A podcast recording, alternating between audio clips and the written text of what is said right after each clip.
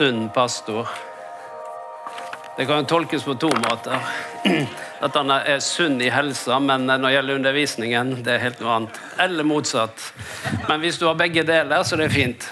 Du har sunn helse og sunn undervisning. Det er bra. Så fint å se dere alle sammen. Nå må jeg bare rense stemmen. Sånn. Der er vi klar. Eh, vi begynte året med å snakke om uh, disse kristne grunnvollene. Og uh, som vi bygger livet vårt på, og uh, som er der hele tiden. Og som hjelper oss underveis. Og forrige søndag så snakket Per Ove om Den hellige ånds gave. Og Den hellige ånds Det å bli døpt i Den hellige ånd og hvordan dette kan brukes i hverdagen og i bønneliv og i ulike eh, områder. Men også det å ta imot og bli døpt i Den hellige ånd. Så det var en del forbønn her og betjening i ettermøtet. Så det var en god søndag. Eh, og eh, så eh, kommer jeg til å gå videre på, på det eh, nå. Men eh, ikke på Den hellige ånd, men på det jeg sa at vi er frelst av nåde, var en av de. Så eh, jeg kommer til å snakke om å leve i nåden i dag. Så vi begynner ganske enkelt med å lese Efeserbrevet 2, 8-10, der vi kjenner igjen teksten. Så setter det oss rett på sporet med en gang. Og eh, Der står det slik.: For av nåde er dere frelst ved tro. Det er ikke deres eget verk men Guds gave. Det hviler ikke på gjerninger for at ingen skal rose seg, for vi er Hans verk, skapt i Kristus Jesus til gode gjerninger, som Gud på forhånd har lagt ferdige for at vi skulle gå inn i dem. Så her sier han rett på sak. altså Det er ikke deres verk, det er ikke vårt verk, og det vet vi. Eh, og da har vi heller ikke noe å skryte av hvor dyktige vi har vært, og at vi fordi vi har vært så dyktige, så fortjener vi Guds nåde. Derfor fortjener vi frelse. Og eh, selv om vi vet det, at det er slik, så hender det at vi likevel faller inn i det at vi eh, tenker Er Gud fornøyd med livet mitt? Nei, ikke sikkert han er fornøyd med alt vi holder på med, men hvis du har tatt imot Jesus Kristus, så er det ikke noe du kan gjøre ekstra Eh, i forhold til det. Og, eh, og, Konklusjonen her er at vi er ikke vårt eget verk, vi er Guds verk. Det var han som gjorde det. Det var Jesus Kristus som eh, gjorde det ferdig. Og det var Gud som eh, Når vi tok imot Jesus Kristus, så tok vi også imot Guds nåde til å leve det nye livet. Ordet nåde det er et ord vi ofte bruker. Og uh, vi kan tenke at nåde er, betyr tilgivelse, men eh, det betyr ikke det. Det betyr at uh, vi har fått gunst og velvilje på mange måter. Det betyr at Gud har tilgitt oss. Det er altså det nåde at han har tilgitt oss, men selve ordet betyr ikke tilgivelse. Det å, å finne nåde i, uh, i, ordet, det betyr å, å, ha gunst og velvilje. Eh, og det betyr med andre ord at Gud er for deg, at Gud er med deg. Han virker med nåde, dvs. Si med gunst og velvilje i våre liv. Og eh, Derfor så er det slik at eh, ofte så tenker vi at nåde det skjer når vi blir frelst. Da tok jeg imot Guds nåde. Eller når jeg ber om tilgivelse for et eller annet, så, så får jeg nåde noe som skjer underveis i vandringen, så sier jeg 'Å, Gud tilgi meg'. Og så opplever jeg nåde, for Gud han er nådig, for han tilgir oss hele tiden. Og, eh, men så er det sånn at denne nåden den er med oss i livet hele, hele veien. fordi at det er ikke slik at Jesus sa jo det fra begynnelsen av, at 'jeg skal aldri forlate deg'. Jeg skal være med deg alle dager. Det er Guds nåde, at han alltid er med oss. Så vi ble født inn i Guds rike. Så ble vi også født inn i nådens rike. Fordi Guds rike, det er nådens rike. Derfor så lever vi som troende, så lever vi i nåden. Vi lever i nådens rike. Der er det nåden som regjerer. Og kongen i det riket, det vet vi hvem er, han heter Jesus Kristus. Det er ikke vårt rike, det er ikke vårt verk eller noe vi har skapt. Det er Gud alene som har skapt Guds rike. Men vi, av nåde, så får vi lov å være en del av dette riket. Eh, og når Jesus frelste oss, så vet vi at det var når han døde på korset og sto opp igjen. Men han fullførte denne frelsen helt og fullt. Ferdig. Og eh, det var det han gjorde på korset når han ropte ut 'Det er fullbrakt'. Eller du kan bruke ordet 'det er fullført'. Det er ferdig. Det er fullendt. Det er betalt. Det er det ordet han ropte ut på korset. Det er fullbrakt. Og når noe er ferdig, så er det ikke noe å legge til. Når noe er fullført, da er det ingenting mer å legge til. Og det er der eh, Gud ønsker å hjelpe oss, slik at vi forstår at det er ikke noe vi kan gjøre for å pynte på frelsen. Ja, men hvis jeg ber litt mer, kanskje Gud Kanskje da. Hvis jeg leser litt mer, hvis jeg blir tar meg mer sammen, hvis jeg faster litt mer Nei, det er ingenting vi kan gjøre når det gjelder å fortjene frelse. Fordi at Jesus sa det er fullført. Så derfor, når noe er ferdig, da er det noe som gjenstår? Nei, da er det ingenting. Når noe er fullført, så er det fullført. Det var det Jesus sa. Det er fullført. Frelsen er ferdig. Det vi gjør, det er at vi tar imot det som er ferdig, det som er fullført, det som Jesus gjorde. Jeg vet ikke om du har hatt uh, gjeld i banken, at du har hatt lån. Noen har hatt lån. Og uh, det er noen få som ikke har hatt det, for å si det sånn. Og uh, det er jo sånn at når du da har betalt ned lånet, som noen aldri har gjort, men det er en annen preken Men når du har betalt ned gjelden Det er ikke sånn at du da fortsetter å betale på den gjelden, er det det? At du får et brev fra banken hvor det står det at eh, nå er dette gjeldsbrevet det er nulla ut. Så det er ikke sånn at du fortsetter å betale bare for sikkerhets skyld. Bare sånn i tilfelle. Nei da, du er så lykkelig over at dette er betalt.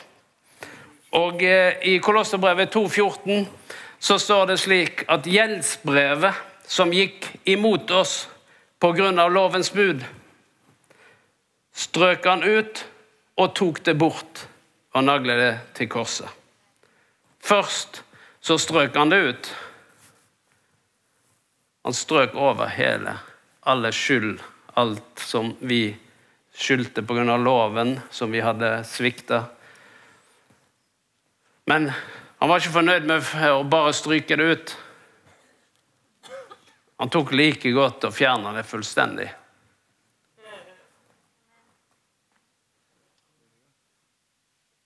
Det betyr at vi står ikke lenger i gjeld. Vi er skyldfrie og syndfrie, egentlig.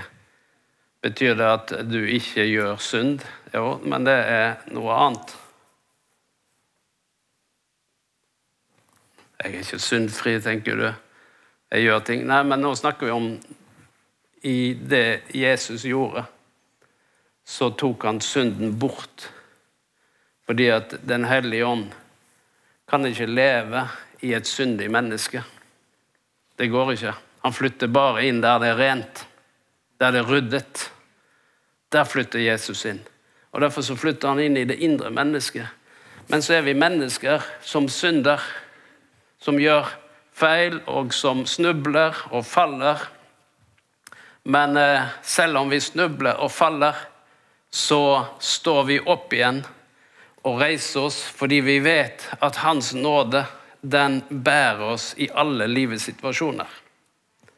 Så han strøk ut skyldsbrevet, og han tok det like godt helt bort.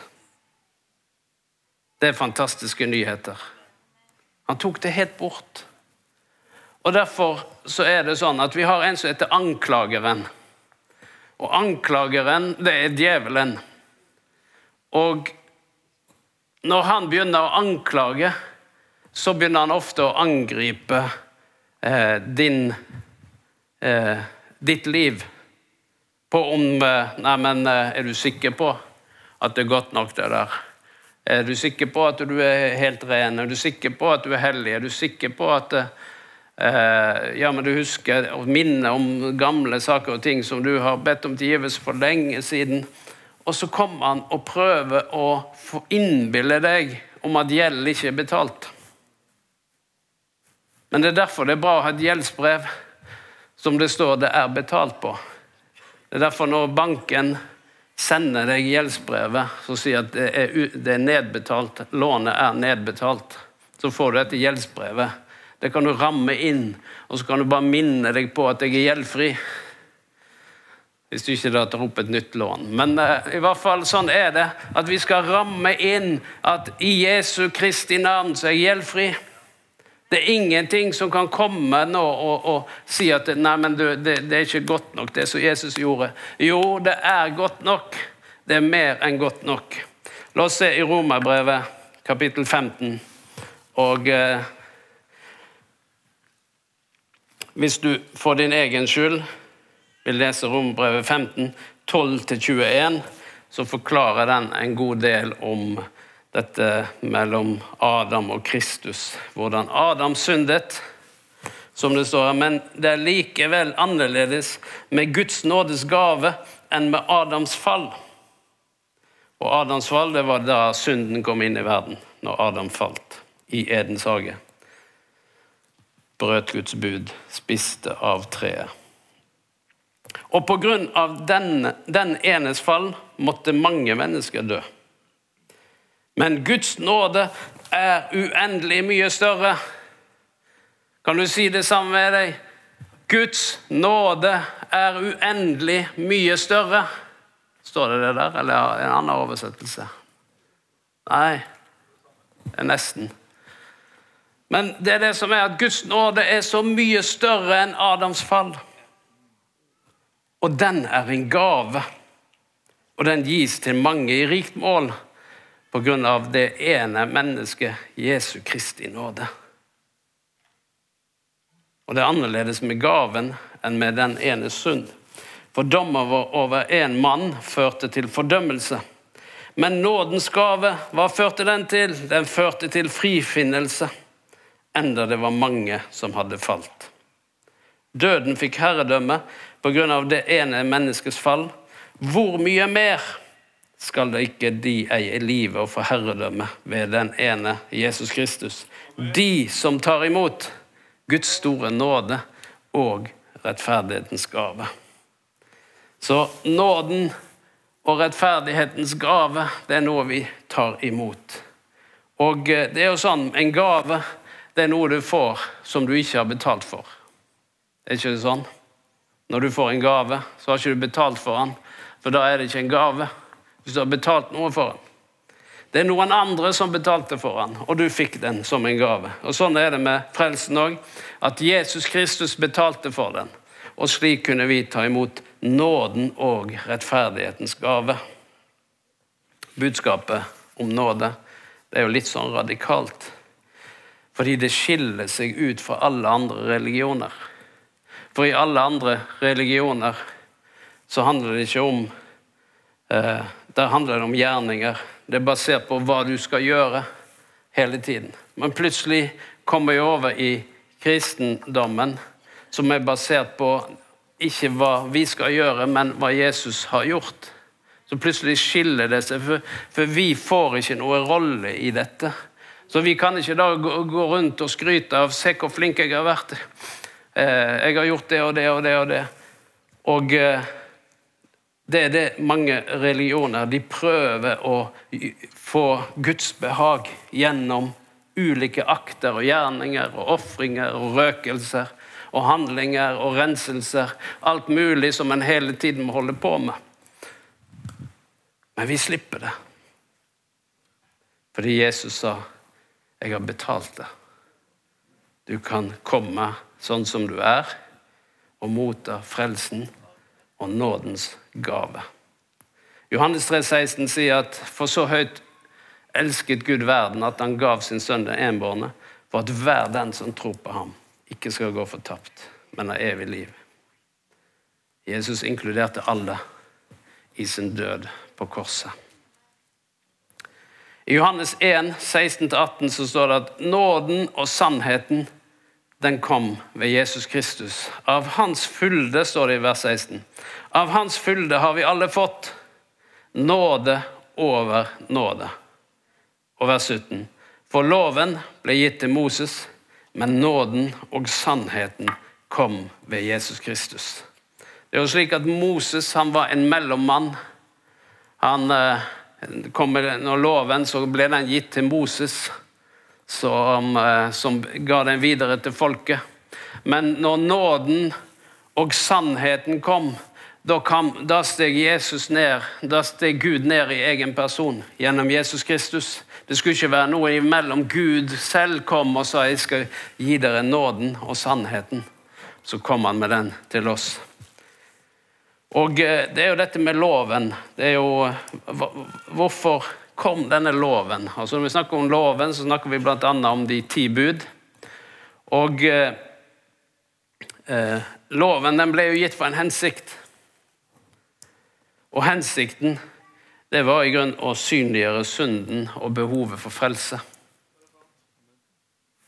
Eh, hensikten For Gud visste på forhånd at mennesket kommer aldri til å klare å leve etter de ti bud. Det var mange andre bud, men det holder med de ti. Vi klarer ikke engang de ti. klarer vi ikke. Og så var det mange andre regler og bud og, og forskjellige ting som kom samtidig, som instruksjoner. Men eh, la oss holde til de ti bud. Og det var jo synd i verden helt fra før loven kom. Eh, for loven den eh, skrev en standard og hadde krav om hvordan vi skulle leve. Men eh, en klarte ikke å leve etter lovens krav og lovens bud. På en eller annen måte så svikta mennesket. Loven sa hva som var rett, og hva som var galt. Men mennesket var ikke i stand til å leve et liv etter den standarden loven krevde. Og hva skjedde da? Synden ble synlig. Før så var det ikke noe som sa 'dette er synd' før loven kom. Men så kom loven og sa 'dette er rett, og dette er galt'. Og plutselig så ble synden synlig og synderen skyldig. Fordi du kan ikke dømmes hvis det ikke finnes en lov. Og da fremsto mennesket som lovbrytere. Og konsekvensen av det, når ikke vi klarer å leve etter lovens krav, det er at da blir vi dømt. Loven den er som et speil som viser sannheten. Sannheten om oss selv. Fordi speilet, loven, sier det og det, og når vi speiler oss i den og ser oss selv, så skjønner vi at jeg klarer ikke å leve opp til dette. Så på en måte så hadde, så viste den at vi hadde behov for frelse. Så lovens hensikt det var å fortelle mennesket at du trenger en frelser. Fordi dette er faktisk det Gud krever av deg for at du skal bli rettferdig og leve fullkomment. Det er det loven krever. Men du klarer ikke å leve det. Men hvordan skal du da bli frelst? Jo, du trenger en frelser, men først må en erkjenne jeg er en synder. Så jeg trenger Guds nåde i mitt liv. Jeg trenger å ta imot Guds frelse. Og Derfor så kom loven og satte dette på plass. Men når vi kommer til Matteus 19, 16-22, så er det sånn at Jesus har en samtale der med den rike mannen. Og i denne samtalen så kan det høres ut som at Jesus mener at uh, han burde kunne At han burde, le, uh, burde leve etter loven. Vers 16. Og se, det kom en til ham og sa, Mester, hva godt skal jeg gjøre for å få evig liv? Altså for å bli frelst. Jesus sa, hvorfor spør du meg om det gode? Det er bare én som er god. Men vil du gå inn til livet, så hold budene. Så da kan vi tenke ok, hvis vi bare holder budene, så er det fint. Men problemet er at vi klarer ikke å holde budene. Men han her trodde at han klarte det. Skal vi se. Han sa til ham, 'Hvilke bud?' Disse, sa Jesus. Du skal ikke slå i hjel, du skal ikke drive ord, du skal ikke stjele, du skal ikke vitne falskt, altså lyge. Du skal hedre din far og din mor, og du skal elske din neste som deg selv. Da strekker den unge mannen seg opp og kjenner liksom Yes, dette har jeg holdt i hele mitt liv, sier han. Er det egentlig noe som mangler?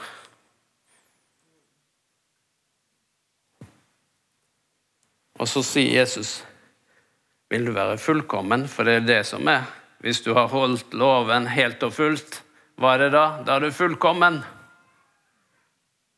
Og det er bare en fullkommen mann som i Guds øyne kan bli kalt rettferdig. Så derfor sier han, eh, 'Vil du være fullkommen?' Så gå og selg alt du eier, og gi til de fattige. Han hadde jo akkurat sagt at han elsker sin neste som seg selv. sant? Og da utfordra Jesus ham på det. Hvis du elsker din neste som deg selv, da kan du jo bare gå og gi bort alt du eier, til de fattige.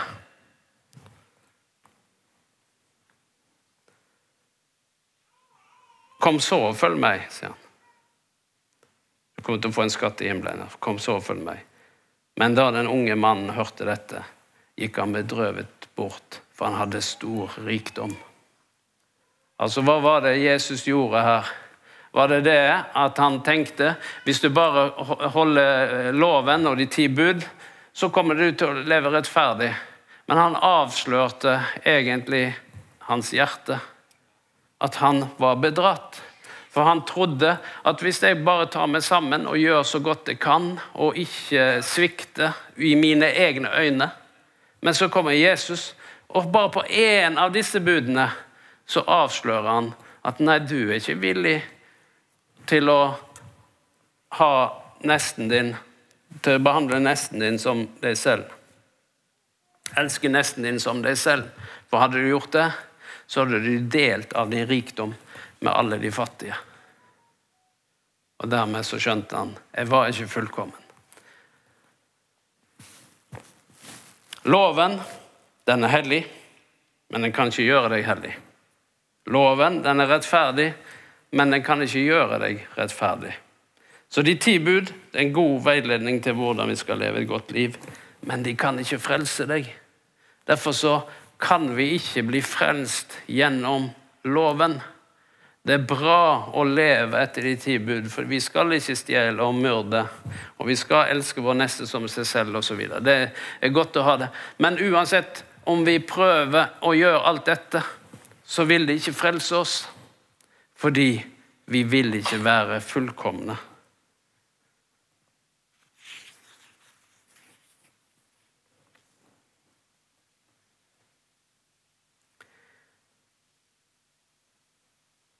Nåden den er basert på Jesus sine gjerninger, det han gjorde. Og han levde fullkomment. Det var det som gjorde at han kunne frelse oss. Fordi han levde 100% etter loven. Han svikter ikke de ti bud på noen punkt. Han var den som levde fullkomment. Fordi han levde fullkomment, så kunne han si 'jeg dør istedenfor'. Det er en annen preken, vi skal ikke gå inn på det, men det var jo det som var at Jesus døde på korset, så sa han 'jeg dør istedenfor'. For alle menneskene klarte ikke å oppfylle lovens krav. Men jeg har oppfylt de, og nå gjør vi en byttehandel her. De som skulle dø etter syndens krav, de skal få leve. Og så sa Jesus, 'Jeg dør i deres sted'. Den som, I Romerbrevet 4,4 står det at den som gjør et arbeid, får lønn etter fortjeneste og ikke etter nåde. Derfor så er det Guds nåde som gjør at vi kan ta imot livet med Gud.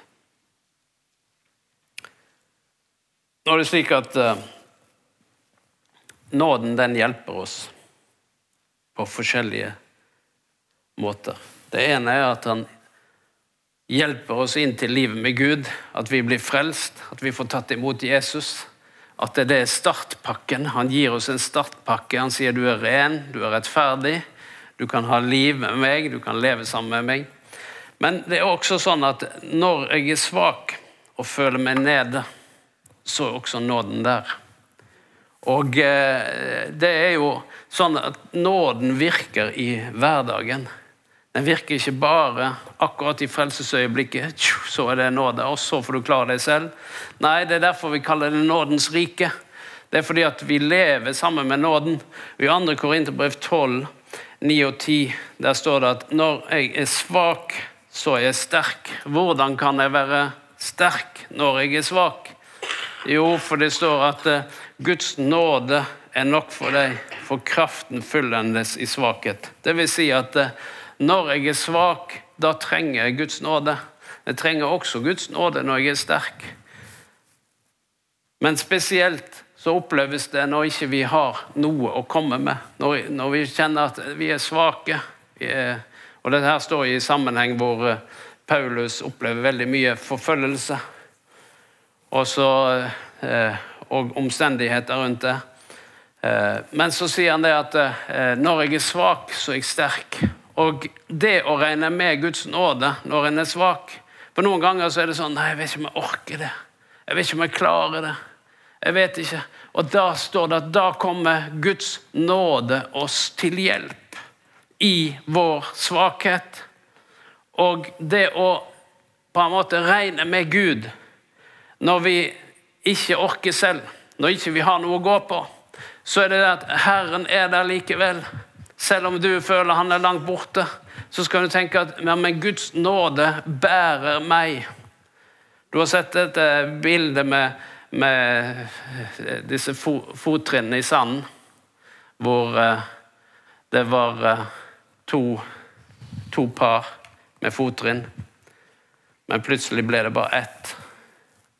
Og da følte denne her at ja, men nå gikk jeg alene. Liksom, du overlot meg, Gud, til å gå alene. Nei, så sier Gud nei, det er bare mine fottrinn du ser nå, for jeg bærer deg. Og det er jo det som er at noen ganger så er det sånn at vi kan kjenne på at vi orker ikke. Vi har ikke noe å gå på. Vi orker rett og slett ikke.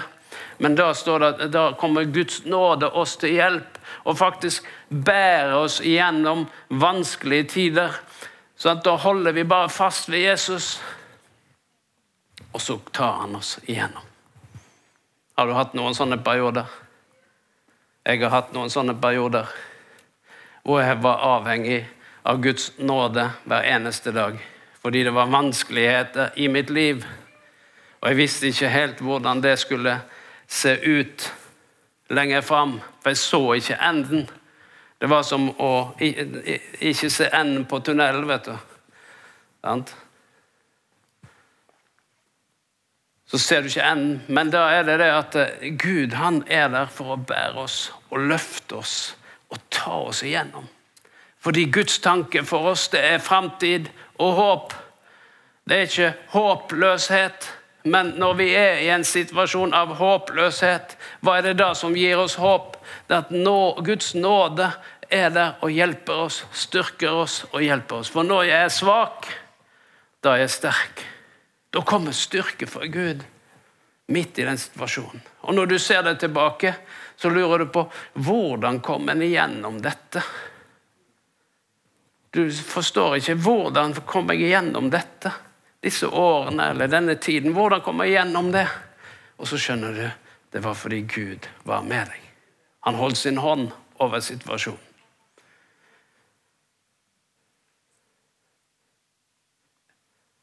Jeg husker det når jeg ble pastor her i 2006.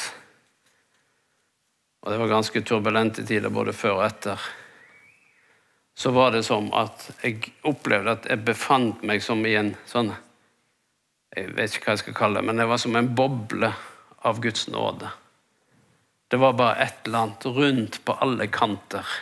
Så midt i turbulent og storm og alt mulig som skjedde på den tiden, så tenkte jeg liksom, hvordan, hvordan kom de igjennom det? For de skulle hatt magesår og mareritt og, og, alt mulig på samtidig på den perioden. Men hvorfor kom en igjennom? Jo, Gud gav sin nåde. Og sånn er det med deg òg. Jeg vet ikke hva du går igjennom akkurat nå, men vi går ofte igjennom ting til forskjellige tider. Og da er det slik at Guds nåde vil styrke deg og hjelpe deg og støtte deg, slik at du kommer igjennom. Det er også noen ganger at vi opplever at oppgaven er for stor for oss. Jeg klarer det ikke. I Feserbrevet 3, nei 4-7 så står det at nåden er gitt hver enkelt alt etter som Kristi gave blir tilmålt. Nåden blir gitt hver enkelt ettersom Kristi gave blir tilmålt. Betyr det at det fins noen begrensning i nåden? Nei, det fins ikke. Guds nåde er ubegrensa. Men det betyr at eh, Og så står det her at noen satte han til forskjellige gaver i menigheten. Men det betyr at eh, når du har en, en gave eller en oppgave eller en tjeneste eller en funksjon, noe du gjør, så er det sånn at nåden følger. Det er ikke slik at eh, ja, nå får du denne Gud kaller deg til et eller annet, f.eks. Noe du skal gjøre. Så fins det nåde for det oppdraget. Det fins nåde for å gjøre akkurat det.